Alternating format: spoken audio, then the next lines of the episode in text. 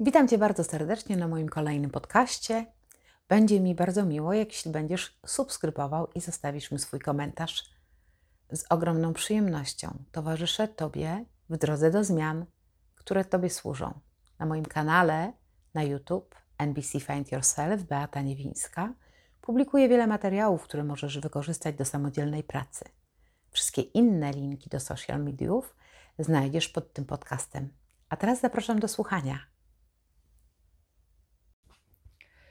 Czy zauważyłaś, że chodzisz w swojej relacji na paluszkach? Zawsze musisz uważać, żeby go nie urazić, żeby nie wzbudzić jego gniewu, czy choćby złego humoru. Robisz się wtedy bardzo ostrożna, wyczulona, jaki on ma dzisiaj nastrój. Kiedy jest spokojnie, to już on na pewno znajdzie jakiś powód, by podkręcić spiralę chaosu, niepokoju i szczególnie nie będzie się wysilał, by znaleźć taki powód. Przysłowiowa zupa jest zasłona.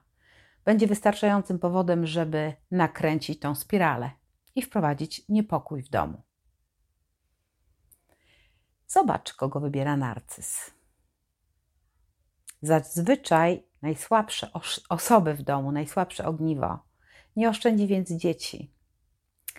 Więc jeśli masz wrażliwe dziecko, to on na pewno przesunie granice do maksymalnych miejsc i będzie czerpał z niepokoju i strachu dziecka, czepiając się o wszystko. Jedno jest pewne, że narcyz decyduje o wszystkim i wszystko wie najlepiej.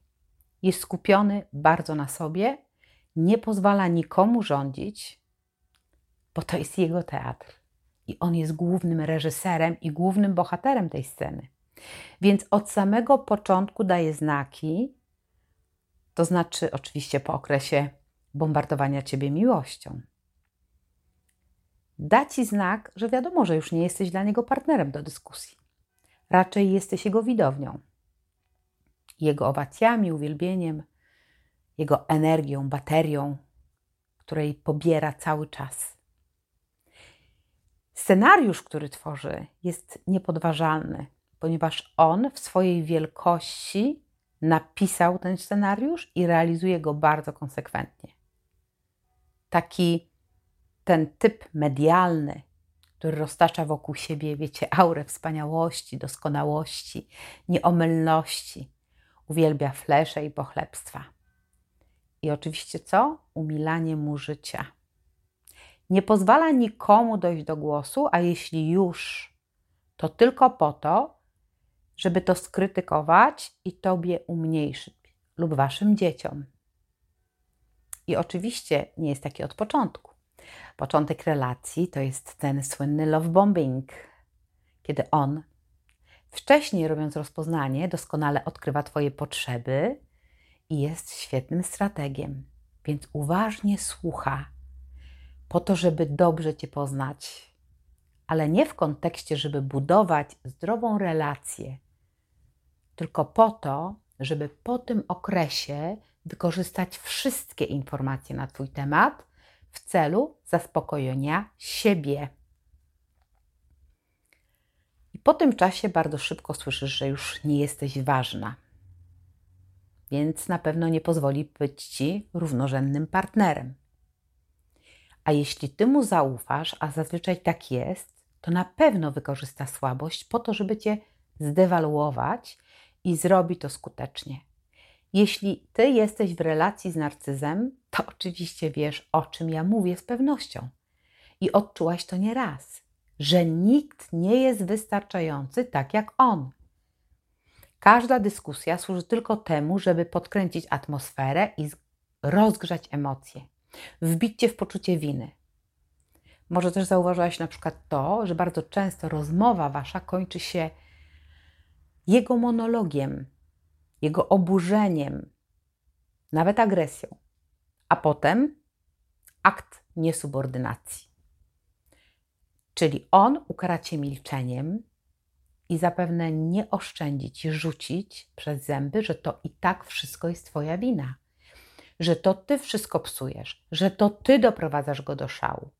I najgorsze jest w tym to, że ty naprawdę poczujesz się winna czy winny. I będziesz doszukiwać się tej winy w sobie. Zaczynasz wtedy chodzić w tym związku na paluszkach. Stąpać uważnie, jak po polu minowym, żeby się nie natknąć na jakąś minę. I po latach znajdziesz wiele usprawiedliwień dla niego, a zero współczucia dla siebie. I co najgorsze, dzieci też nauczyć schodzić tatusiowi czy mamusi z drogi, tłumacząc zachowanie tak jakoś zawsze oględnie, żeby ładnie wyglądało. Jeśli naprawdę gubisz się w tym związku, jeśli tracisz pewność siebie, tracisz grunt pod nogami i tym samym ta druga osoba, twój ukochany narcyz, wzmacnia się, rośnie jego siła, kontrolująca siła. Jeśli zauważysz, że częścią jego sposobu komunikacji, zwanego gaslightingiem, czyli między innymi zmiana tematu w trakcie waszej rozmowy. Co mam tutaj na myśli? To to, że zobacz, zobacz, zaczynacie rozmowę z taką intencją, wydawałoby się taką samą, ty i on. Ale ty za chwilę zauważasz, że znowu odeszliście od tematu i znowu rozmawiacie tylko o tobie. Jaka ty jesteś nieodpowiedzialna? Lub jak go zawiodłaś, czego nie potrafisz, co powinnaś zrobić inaczej, mądrzej, jakie skutki miały twoje decyzje w młodości.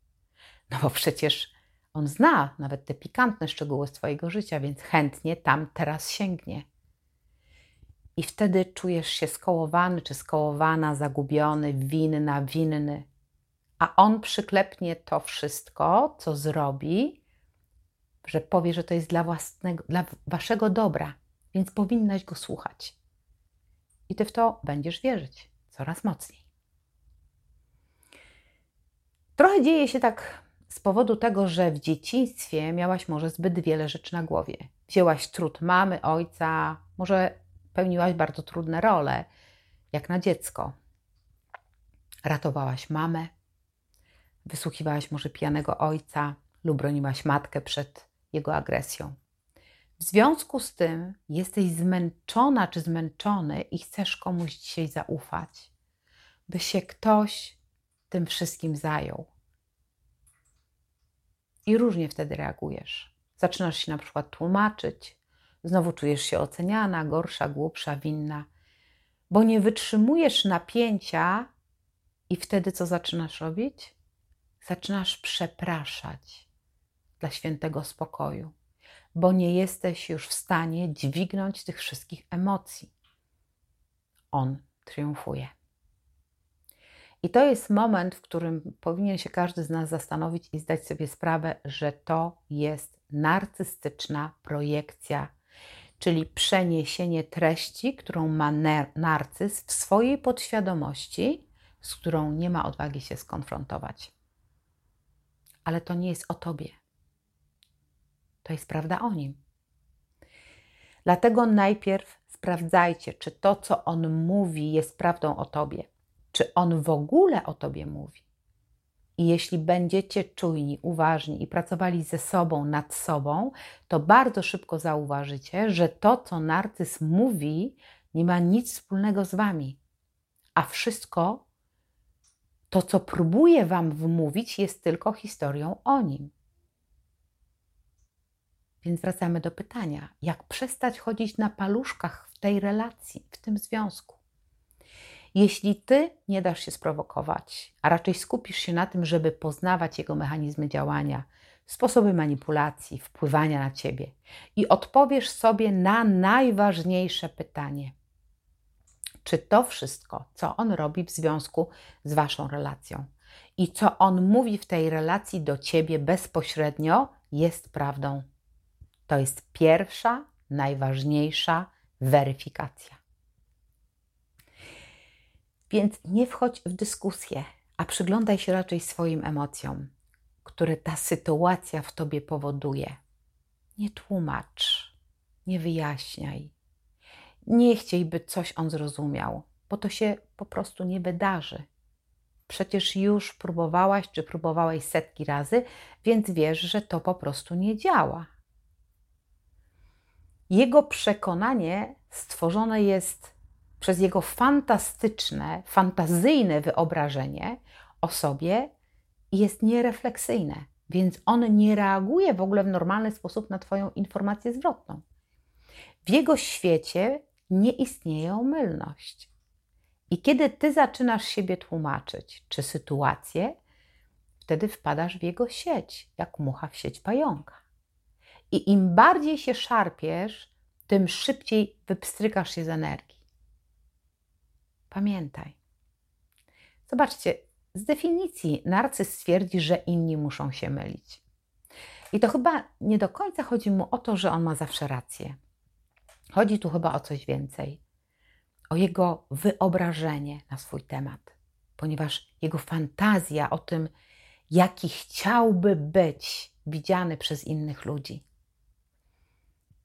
Często na spotkaniach indywidualnych, w których poznaję wiele historii, głównie kobiet, ale również też mężczyzn. Potwierdza się to, że narcyz tworzy pewne wyobrażenia o sobie, kim jest i kim chce być widziany oczami innych ludzi.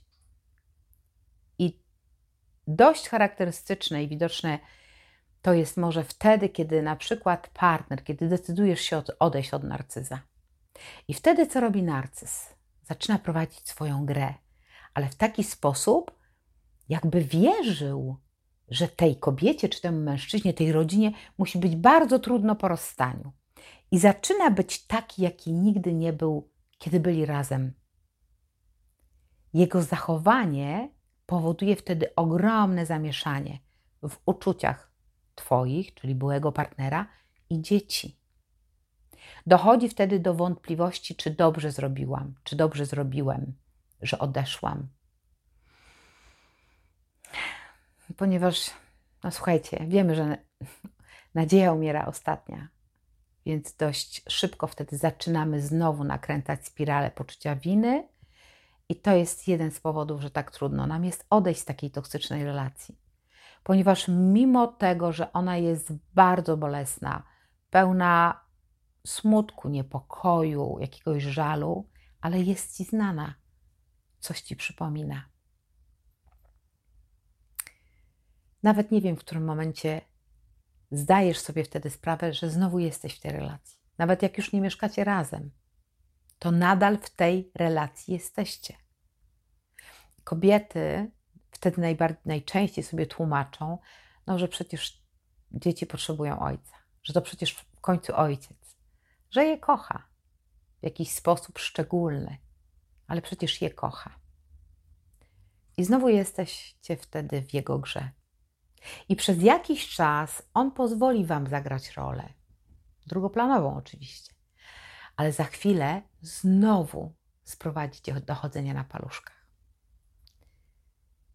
I pewnie zadajesz sobie, sobie pytanie, dlaczego tak zachowuje się partner, kiedy Ty odchodzisz. Partner narcystyczny zachowuje się w taki sposób, dlatego że w jego wyobrażeniu, nawet w najmniejszym stopniu, w ogóle nie istnieje coś takiego, że ktoś mógłby go zostawić, odejść, porzucić, nie chcieć być już z nim. Dla niego to się wydaje w ogóle niemożliwe, że ktoś mógłby pozbawić siebie jego wykwintnego towarzystwa. Bardzo głęboko wierzy w to, że to jest niemożliwe. Uwierzcie mi Państwo, że słyszałam wiele historii, kiedy narcyz potrafi tworzyć przepiękne scenariusze, wtedy, kiedy decydujemy się odejść. I będzie te scenariusze realizował bardzo, bardzo konsekwentnie. Nie zapominajmy o tym, że narcyzi to są świetni aktorzy i zazwyczaj bardzo inteligentni ludzie. I co jest najważniejsze, bardzo dobrze Cię znają i mają głębokie przekonanie, że przecież życie z nimi jest fascynujące. I wtedy potrafią dać Ci taką iluzję, że wszystko będzie dobrze, że on się zmieni w tą osobę, którą był na początku. Zauważcie, moi drodzy, że to kosztuje bardzo dużo energii Waszej. Narcyz nigdy nie zrezygnuje z tego, do czego ciebie potrzebuje. Czyli oczekuje od ciebie wiecznego zaangażowania w to, co on robi. On ma cały czas potrzebę utrzymywania tego pobudzenia emocjonalnego, a to wyczerpuje ciebie. A u niego to jest studnia bez dna, ja często mówię jak sito. On wyczerpuje swoją energię bardzo szybko, dlatego że spożytkowuje ją w głównej mierze na to, żeby cały czas być królem, siedzieć na tronie. Więc on nie robi tego w naturalny sposób.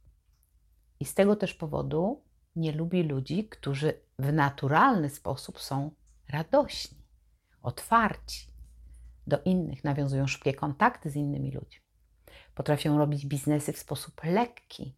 To, co przynosi innym lekkość i swobodę, dla narcyza jest ogromnym wydatkiem energetycznym. A to naprawdę nie pochodzi z wnętrza narcyza. I właśnie to jest też powód, z którego, z powodu którego on cię nienawidzi. Jego wydatek energetyczny na utrzymanie takiego wizerunku, uwielbienia z jednej strony jest dla niego pożywką, baterią, a z drugiej strony bardzo szybko go wyczerpuje, więc jest sfrustrowany. I to jest ta druga strona, która pozornie nam może się wydawać, że nie istnieje. Tak samo jak to, ta jego nieomylność, brak zwątpienia, zawsze ma rację. Zauważ tak na zdrowy rozum. Jeśli poznajesz człowieka, w którym się zakochujesz, z którym chcesz budować swoje życie, i okazuje się, że on ma takie cechy nieomylności, że on nigdy nie wątpi, zawsze uważa, że ma rację, nie ma żadnych refleksji. Czy nie wydaje ci się to trochę dziwne? Przecież każdy z nas ma jakieś wątpliwości nad czymś. Zastanawiamy się często, rozmyślamy, mamy refleksje odnośnie siebie, innych, pytamy, doradzamy się. Więc poobserwujmy to z uwagą. Jeśli on nie ma wątpliwości, to zobacz, czy czasami nie jest tak, że wykorzystuje wszystkie Twoje wątpliwości. Będzie to robił z jednego powodu ponieważ narcyz zazdrości. Narcyz podświadomie zazdrości ci wielu rzeczy. Jedną z nich jest to, że właśnie te wątpliwości masz, że posiadasz słabości, że popełniasz błędy, że potrafisz okazywać miłość, współczucie, słabość, że powiesz, że się pomyliłaś, że potrafisz się dzielić z innymi ludźmi emocjami. Tego on nie potrafi. I to wszystko dzieje się u niego na podświadomym poziomie. Jego podświadomy lęk dotyczy tego, że ktoś może odkryć prawdę o nim. A dla niego to oznacza samozagładę. On się rozpadnie wtedy na milion kawałków. Bo to, co budował w swojej wyobraźni, jest najważniejsze. Więc dlatego on postanawia, że będzie grał swoją grę do końca życia. Czasem może nam się wydawać, że narcyz w kontaktach międzyludzkich robi takie wrażenie osoby zadowolonej, która nie ma żadnych kłopotów, wszystko traktuje dość lekko i tak tworzy sobie takie wewnętrzne wyobrażenie, że jest szczęśliwy. I na, na pozór może nam się tak wydawać, że on naprawdę nie ma żadnych trudności życiowych. Jednocześnie, kiedy my się przyglądniemy mu bliżej, to zauważymy, że to nie jest prawda. Jak również to, że on nie interesuje się innymi ludźmi, bo to jest akurat prawda. Jego zaangażowanie, które możemy odebrać jako bardzo na przykład pozytywne, choćby przez to, że niby zadaje ci pytania, tak? Ale tak naprawdę te pytania zostają bez odpowiedzi. On przejmuje pałeczkę i zawsze on gada, ponieważ on tych odpowiedzi w ogóle nie chce usłyszeć. Problemy innych ludzi w ogóle go nie obchodzą. Kiedy ktoś zadaje ci pytanie i nie czekając na odpowiedź mówi tylko o sobie, masz odpowiedź. Kiedy widzisz, że narcyzi nie lubią krytyki, mają nadwrażliwość nawet na, na konstruktywną krytykę, reagują złością, agresją. Każde zdanie traktuje jako atak i próbę zburzenia jego idealnej wizji na jego własny temat. Ale kiedy sięgniemy głębiej, zobaczymy, że pod tą maską takiego zadowolenia, arogancji, jakiejś obojętności, to odkryjemy, że wewnątrz każdy z nich po prostu się boi. Naprawdę. Tam jest ogromny lęk. I ten lęk ma ogromną moc. Boją się tego, że ktoś odkryje, że oni nie potrafią nawiązywać głębokich relacji, że nie są współczujący, że nie odczuwają empatii, że nie mają jakichkolwiek innych deficytów. Problem jest taki, że nie mogą wyjść poza własną osobę, jeśli tak bardzo skoncentrowani są na sobie i tej codziennej walce po to, żeby zapomnieć, wyprzeć do nieświadomości wiele elementów jego osobowości, których nie rozumie i nie akceptuje, ale wie o tym, że one są. Wie, że są nieidealne. Są to te rzeczy, których on nie potrafi zaakceptować. I takie osoby bardzo często odczuwają ból tego, kim są i boją się, że zostaną zdemaskowani. Słuchajcie, bycie autentycznym wymaga wiele wysiłku od osób niezaburzonych, a co dopiero od osób zaburzonych narcystycznie. Więc co najważniejsze? Najważniejsze potrzebujemy troszczyć się o siebie, dbać o siebie, stawiać granice, tak jak dbać o swój wygląd zewnętrzny, mieć swoje cele, ambicje i sięgać po to wszystko bez lęku, bez obaw. Pozwolić sobie na życie w lekkości, życzliwości, w poczuciu wartości. Jeśli ty będziesz ćwiczyć samego siebie w byciu dla siebie dobrym, to zdecydowanie zauważysz, co tobie służy, a co nie. I wtedy zdecydujesz, czy to jest dobra relacja dla ciebie, czy nie. Nie będziesz się wystawiać na kolejne próby, nie będziesz dawać się wciągać w jakieś gierki, że to z nim się nie wygrywa, to wiesz. Nie będziesz dawać się wciągać w jakieś zwątpienia, obniżenia Twojej wartości. Nie pozwolisz stosować zasłony dymnej. Nie stracisz orientacji, kim jesteś i dokąd tak naprawdę chcesz dojść. Staniesz się sprawczy, przytomny i weźmiesz odpowiedzialność za siebie. I weźmiesz odpowiedzialność za nieuczestniczenie w jego grze. Zobacz, kiedy od lat starasz się być idealna czy idealny w tym związku. Chcesz, żeby wszystko było dopięte na ostatni guzik. Dzieci, dom, praca zawodowa, nienaganna figura, pozycja społeczna, e, dom wysprzątany. Po prostu pracujesz na dwa pełne etaty, na full. A mimo tego zostajesz postawiona w takim miejscu, w którym ty nie widzisz, że wcale nie musisz tego wszystkiego robić. Ani tym bardziej nie musisz być perfekcyjna. Ani nie musisz być idealna. Ponieważ całe to uzależnienie od perfekcjonizmu jest znowu obszarem, w którym on przenosi oczekiwania wobec siebie na ciebie to bardzo ważne. Kiedy on postrzega ciebie jako niedoskonałą, pełną wad, uchybień, błędów, po to, żeby było łatwiej mu wybielić siebie i wciąż w ten sposób podtrzymywać obraz swojej idealności. To jest jego lustro, odbicie. Tafla wody, która mówi: To ja tu jestem lepszy. I cytat pani Izabeli, który bardzo do mnie trafia, to dzięki Tobie on jest w stanie przetrwać. Pozwalasz przetrwać swojemu narcyzowi, bo bierzesz na siebie ro, rolę antylustra. I on patrząc w to lustro widzi, ale przebranego w Twoje ciało. Widzi siebie, więc może udawać, że widzi Ciebie i to jest taka gra, więc w tym swoim nietykalnym, narcystycznym lustrze może udawać, że to jest prawdziwy on. Ale to się dzieje ogromnym Twoim kosztem energetycznym. I nie łudź się, że on się kiedyś zmieni. Bądź świadoma tego, że oddajesz narcystycznej osobie bardzo, bardzo dużo swojej energii, swojego czasu w sposób bardzo nieświadomy, nawet wtedy, kiedy on cię o to nie prosi. On po prostu wciąga cię w swoje sprawy, w jego dramaty i zrobi to absolutnie po mistrzowsku. Wciągnie cię ten kołowrotek, w poczucie winy i przejmie kontrolę i moc nad Twoim życiem. I im bardziej będziesz próbowała z tego się wyplątać,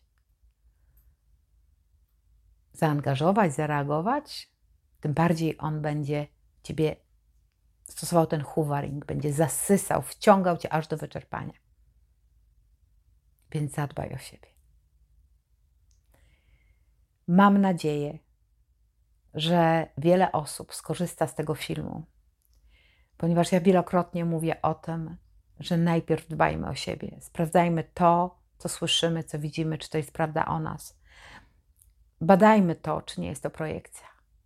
Czy ktoś nie projektuje na nas to samo, co, rodzice projektowali, że też projektowali swoją złość, niewygodę, bo chcieli, żebyśmy byli tym, kim, kim oni chcieli być, a im się nie udało. I to jest bardzo podobnie. Bądźmy na siebie uważni, bądźmy przy sobie z emocjami. Pracujmy nad tym. Praca nad sobą jest najważniejszą częścią naszego życia, bo życie jest po to, żeby żyć, żeby żyć szczęśliwie, bo obowiązkiem życia jest po prostu być szczęśliwym w życiu.